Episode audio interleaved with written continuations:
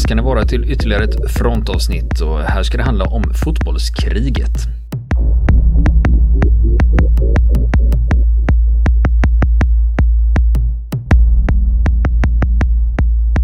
Fotboll ja. Fotboll. Har du hört citatet Niklas? Eh, citatet går så här. En del säger att fotboll är viktigare än liv och död. Men det är faktiskt viktigare än så. Ja.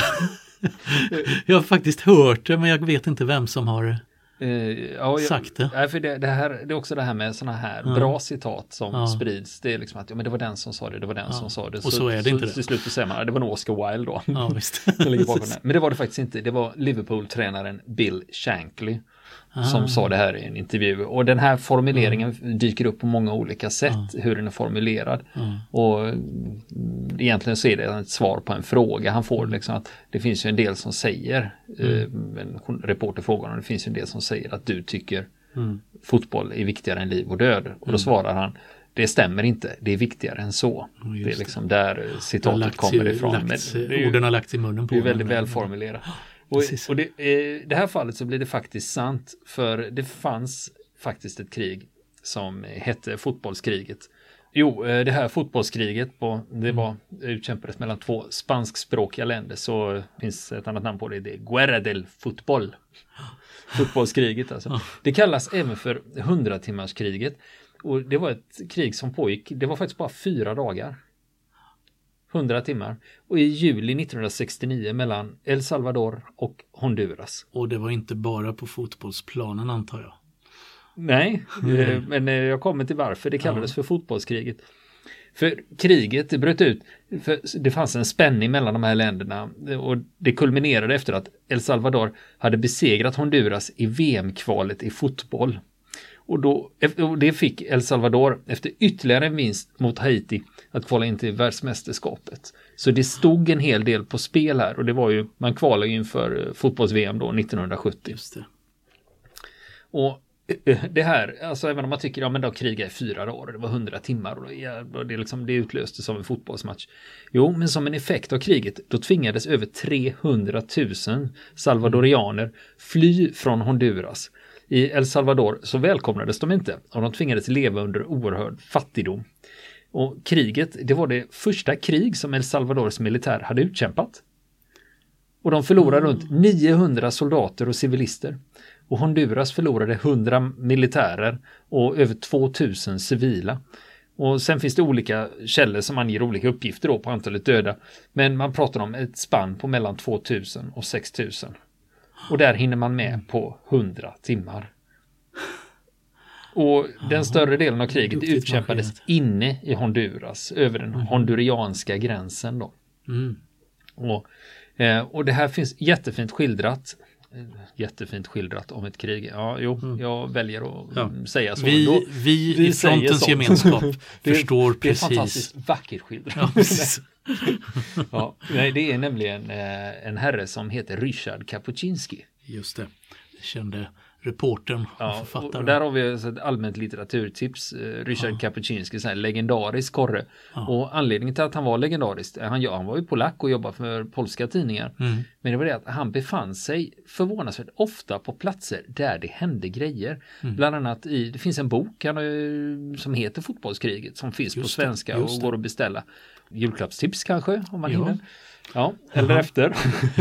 Det är en Men bra bok. Mm. Men den här fotbollskriget, den skildrar ju inte bara det här fotbollskriget utan det är alla de här gamla kolonierna i Afrika som håller på att frigöra sig från England och Frankrike. Och han är på plats och skildrar hur det här går till när nya länder föds.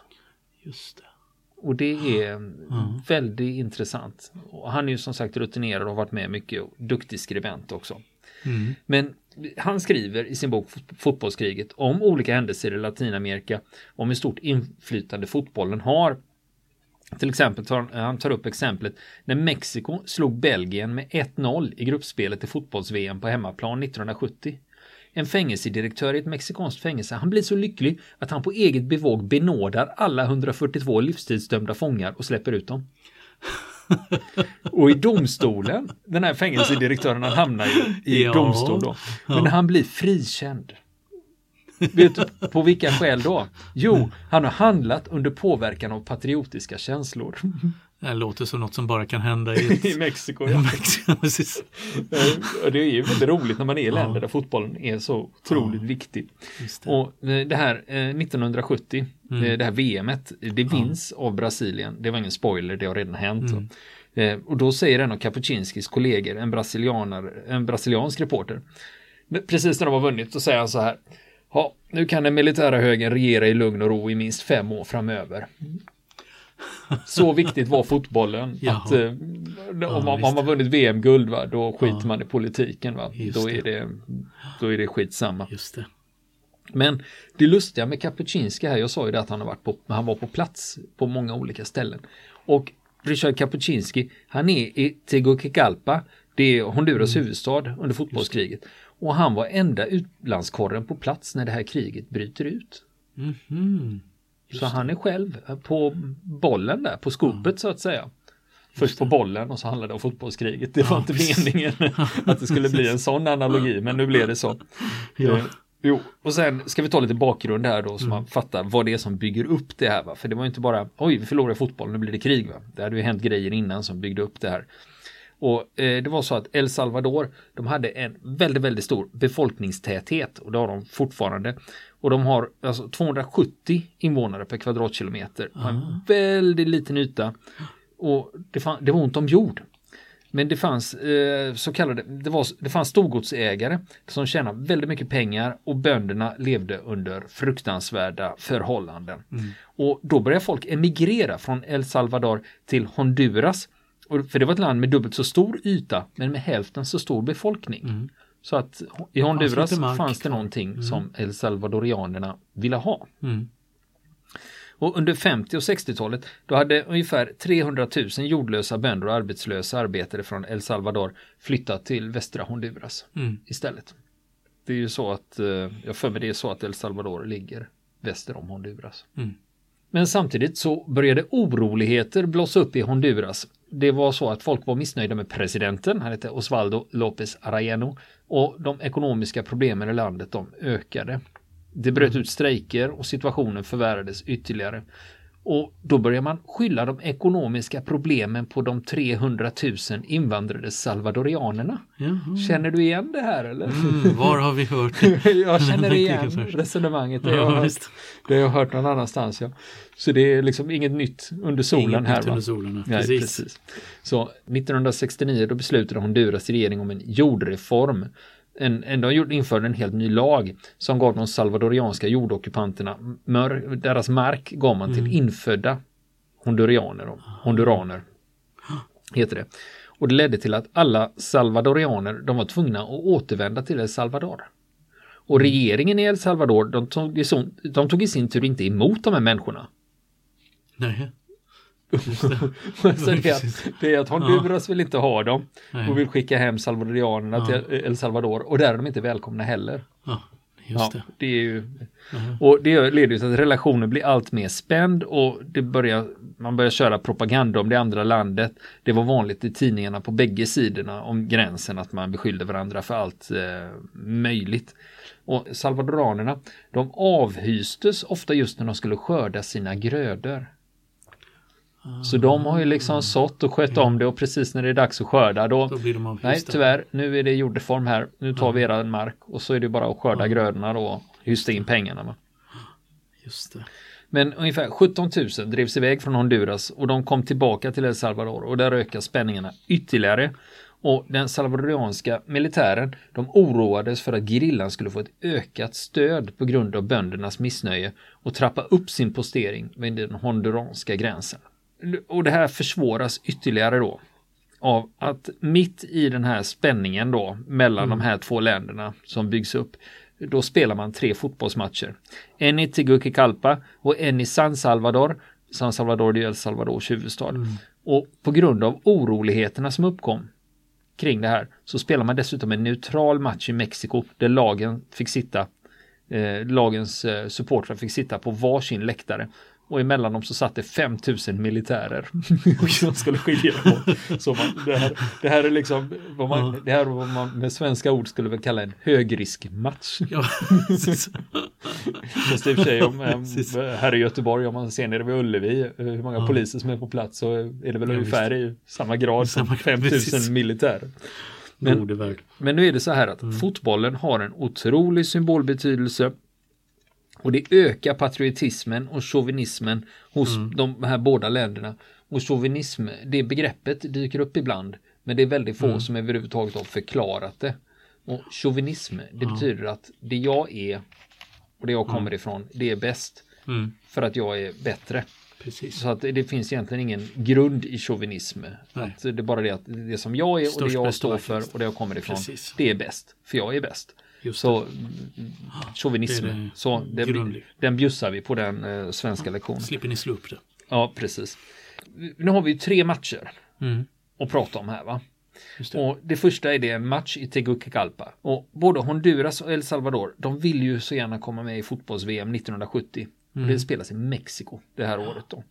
Men den 8 juni 69 då spelas VM-kvalmatchen mellan de båda länderna i Tegucigalpa.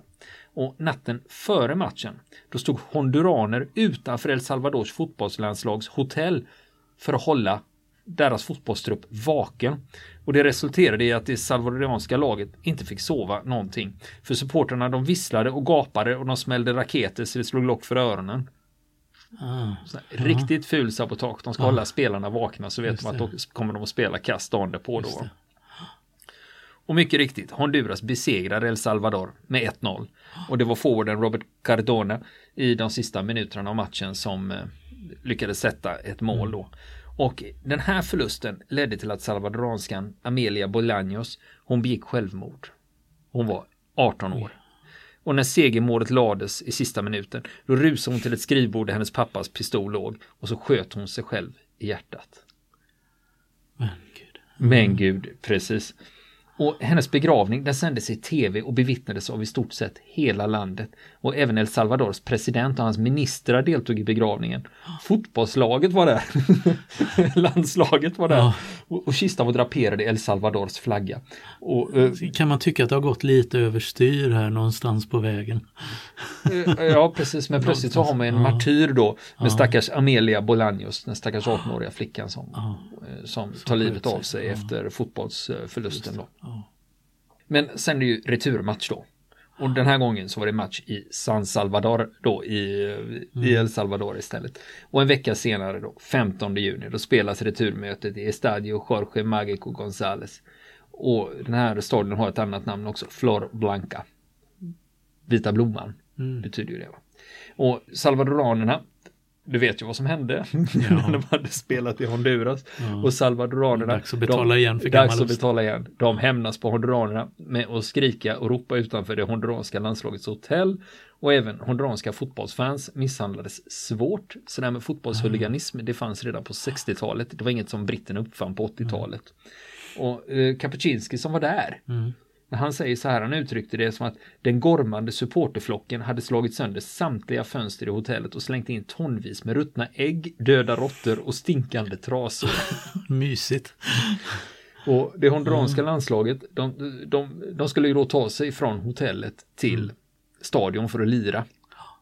Och de förstår ju att eh, eh de här fotbollssupportrarna, det är ju farligt va, att sätta dem i en vanlig buss.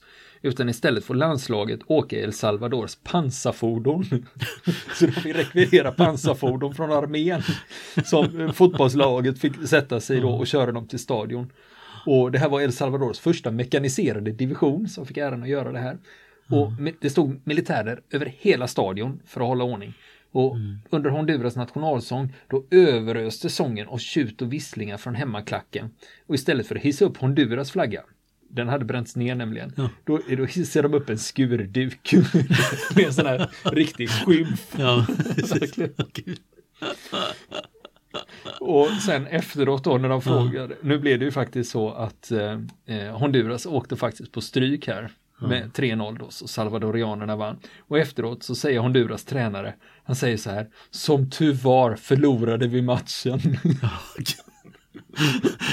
och, och, och, det betyder att då hade de i alla fall en chans, ja. viss chans att överleva. Ja, För hade de vunnit då, va, då ja, vet då ingen inte kommit det här, därifrån. Då hade de inte kommit därifrån levande. Nej.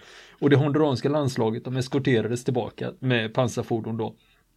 Men honduranska, honduranska supportrar, de misshandlades och två dog. Och flera dussin hamnade på sjukhus. 150 bilar brändes upp.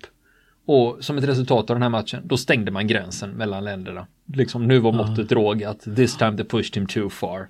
Mm. Men sen eh, efteråt då, eh, de följande dagarna, då blev flera salvadoraner som var bosatta i Honduras misshandlade och i en del fall till och med mördade. Så så stort hat mm. har man lyckats bygga upp mellan de här länderna. Mm. Och eftersom de hade vunnit varsin match så skulle man spela en avgörande match i Mexiko den 26 juni. Och vem vinner? El Salvador.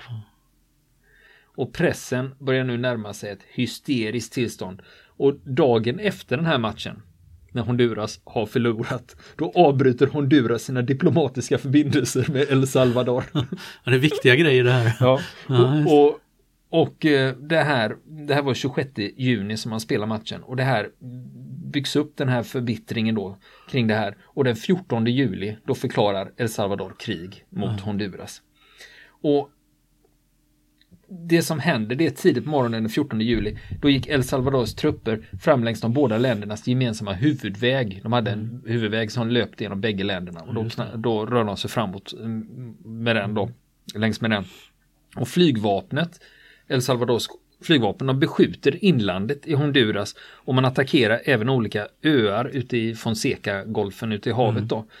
Och sen klockan 18 då påbörjar El Salvador bombningar mot fyra olika städer i Honduras, bland annat huvudstaden då. Och Honduras, de går till motangrepp och anföll strategiskt och industriellt viktiga platser i El Salvador. Mm. Och salvadoranskt flyg bombade honduranska flygplatser och trupper tog sig in och besatte honduranskt territorium. Och fastän Honduras de kunde utföra vissa vedergällningsbombningar så förblev landet i en defensiv mm. position. Så El Salvador mm. hade övertaget. Mm. Och den större delen av kriget eh, utspelades med bombningar och marktrupperna försökte göra olika försvarshandlingar gentemot mm. varandra. Då. Och dagen efter krigets utbrott eh, på kvällen den 15 juli då intog man Nueva och Cotopeque och det, då har man kommit 8 kilometer in i Honduras från gränsen. Och därefter så minskades salvadoranernas framfart. Dels på grund av man hade brist på ammunition och olja. Så man kom inte längre. Det börjar, det. försörjningslinjerna börjar tunnas ut. Och nu är det så här att det är Kapuscinski, han är ju på plats, så han i, i Honduras, så han är ju först ut med nyheten om att kriget har brutit ut. Och hans telegram, det, jag har en kopia på det här, det står så här, översatt till svenska.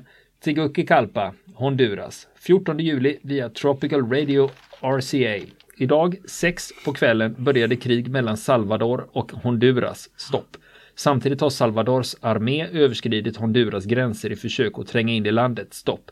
Som svar på angreppet har Honduras flyg bombat viktigare industriella och strategiska mål i Salvador och de landbaserade styrkorna har inlett försvarshandlingar. Stopp.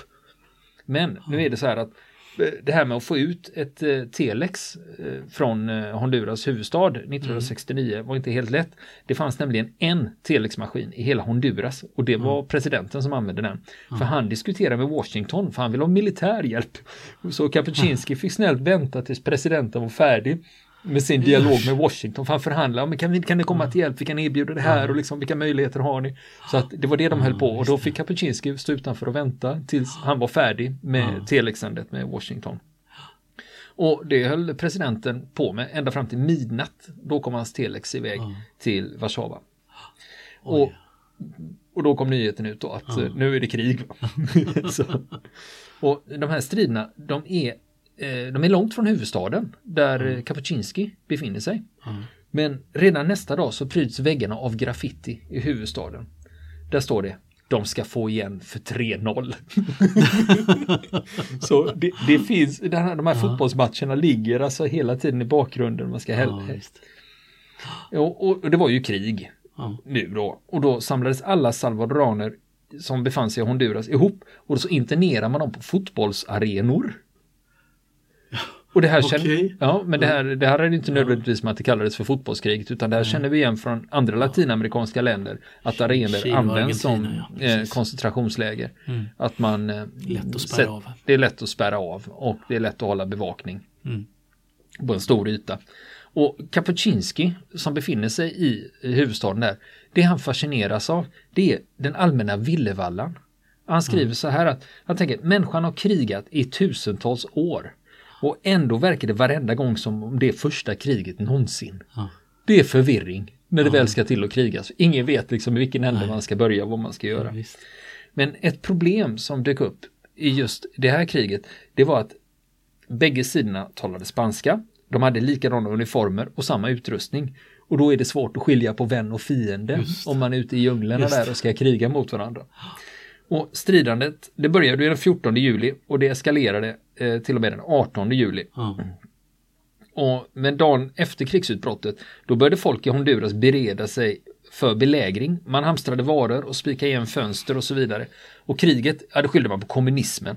Och olika medier började intressera sig för kriget och konkurrensen blev ganska stor när det gällde eh, bland reportrarna där som eh, fick det mest eh, intressanta reportaget. Och Kapuscinski han lyckas ta sig till fronten tillsammans med andra reportrar då för att skildra striderna. Så det tog ändå en stund innan mm, man lyckades reagera och få dit reportrar. Och El Salvador, de hade som intention att överta Honduras. Det var målet med kriget. Mm. De ville bli en stormakt med kust mot två oceaner. För då har du ju Atlant... Då har du ju... Stor-Honduras. ja, verkligen. För då har du ju både kust Ja, Stilla visst. havet och Atlanten då. För det var också så att Honduras, de var mycket svagare och fattigare än Mm. El Salvador. Så egentligen hade Salvador störst möjligheter att faktiskt lyckas med det här. Den honduranska militärstyrkan, det var oftast yngre ostrukturerade soldater. Många hade indianursprung. Och i båda länderna så proppades tidningarna fulla med propaganda. Och många som inkallades för att vara soldater i det där kriget, de var totalt otränade, hade ingen som helst militär utbildning. Och I många fall var de inte så intresserade av kriget heller. Så det var ju, motivationen var lite si och så. Flera länder de började intressera sig för att medla i kriget för att få det här avslutat. Så det var flera länder som erbjöd sig att ja, men vi kan medla så, så ni kan prata mellan så det, så det blir fred här. Eh, Men sen har vi en organisation som lägger sig i och det är Organization of American States, OAS. De arrangerade ett vapenstillestånd den 18 juli och de övertalade de salvadoranska trupperna att dra sig tillbaka. Men trots det så var det inte förrän i augusti samma år som den här organisationen OAS lyckades få El Salvador att dra tillbaka sina trupper. Och kriget som helhet, det varade i 100 timmar och orsakade uppemot 6000 människors död. Det finns lite olika siffror på det. De flesta som dog var honduraner och dubbelt så många skadades också. Och 50 000 människor, de blev av med hus, mat och åkrar och många byar totalförstördes. Och mellan 60 000 och 130 000 salvadoraner tvingades fly från Honduras. Och det orsakade stora ekonomiska problem i Honduras när så många stack samtidigt eftersom en stor del av arbetskraften försvann. Och det hade man ju liksom inte Nej, inte räknat med, tänkte inte på det. Ja. Och handeln mellan de här båda länderna, det var, helt, det var helt obefintligt och gränsen var stängd. Och det gjorde att det blev ännu större ekonomiska problem. Och flyglinjerna, de mellan de här två länderna, de var ganska bristfälliga hela det följande decenniet som ett resultat av det här kriget. Så det tog liksom lång tid att reparera det här. Men det var just krigsförhandlingarna. De avslutades den 18 juli. Men då och då uppstod, man hade upprättat en demilitariserad zon längs med gränsen. Trots det var det ändå lite sporadiska strider där under flera år. Först 11 år senare, 1980, då skrev länderna på ett fredsavtal. Så i formell mening var det ju ett vapenstillestånd men det var fortfarande krigstillstånd fram till 1980. Och då innebar det också att en internationell domstol kunde gå in och lösa gränstvisten. Det var en demilitariserad zon, man var inte överens om hur gränsen skulle dras. Och de större delarna av det under kriget ockuperade området det föll tillbaka till Honduras. Enligt domstolen då. Och det här kriget bidrog till att båda länderna de fick gigantiska rubriker i världspressen. Och plötsligt så blev folk globalt intresserade av de här två länderna som man kanske aldrig någonsin hade hört talas om förut. Honduras och Ja. El Salvador, man kanske hade hört namnet men Ja, inget, inget Inte mer större, större in- intresse. Men plötsligt så fick de världens blickar på sig. Det var faktiskt någonting som eh, båda länderna var ganska nöjda med och uppmärksammas. och man kan säga att båda sidorna förlorade i kriget. Det fanns ju ingen mm. uttalad vinnare för gränsen gick ju tillbaka sen. Mer än att det var massa civilister som dog och förlorade mark och hus. Och ingen av länderna fick någon som helst militär vinst. Och det totala dödsantalet, trots att det var svårt att räkna, så brukar man mm. landa på runt 6000. Och det här kriget ledde också till en 22-årig avstängning från Central American Common Market, alltså en frihandelsorganisation. Jaha. Ja, och sen kan ja. man ju säga så här att sen bröt det ju faktiskt ut inbördeskrig i El Salvador. Mm, man, man, brukar säga att eh, det här kriget, det var mm. som en följd. Det, alltså inbördeskriget utbröt till en följd av kriget mellan El Salvador och eh, Honduras. Men i april 2006, nu mm. är framme i modern tid. Mm. I april 2006 då träffades ländernas presidenter för att erkänna den här landgränsen. Och det innebar slutet på oroligheterna som faktiskt hade fortgått sedan kriget. Mm. Och trots att internationella domstolen i Haag 92 gav Honduras större rätt till den delen av marken som El Salvador gjorde anspråk på. Så det här prövades flera gånger, dels 1980 och sen 1992. Men sen då 2006 då träffades presidenten och liksom okej, okay, vi kör på det här. Och, och det här, när vi pratar mm. om den här spänningen mellan de här länderna, det berodde också på att när det pågår ett gerillakrig och inbördeskrig så rör sig ofta gerillan och även militärer över gränser. Över gränserna, för man kanske har baser i grannlandet och sånt för att slippa bli förföljda. Just det. Hur gick det sen i fotbolls-VM 1970 då? just det. Just det. Jo, efter att eh, senare ha besegrat Haiti i ett dubbelmöte så gick El Salvador vidare till fotbolls-VM 1970 så de deltog faktiskt i Mexiko 1970. Men eh, nu pratar vi om här om att fotboll eh, har startat krig. Mm. Men det har även stoppat krig. Mm. Jajamän. Grejen var att, ja, stoppat krig och stoppat krig, det här var tillfälligt. Det här var inbördeskriget i Biafra 1967.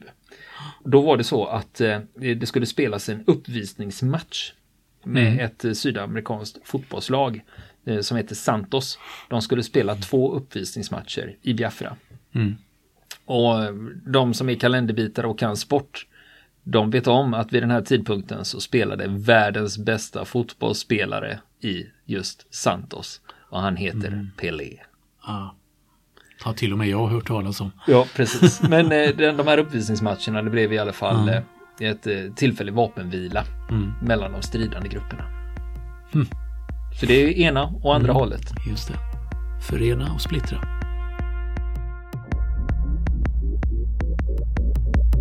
Vill ni komma i kontakt med oss så kan ni göra det via vår Facebook-sida som heter Fronten. Det är inga problem för er att leta er fram där. Eller också så mejlar ni på vår mejladress och det är frontenpodcastgmail.com.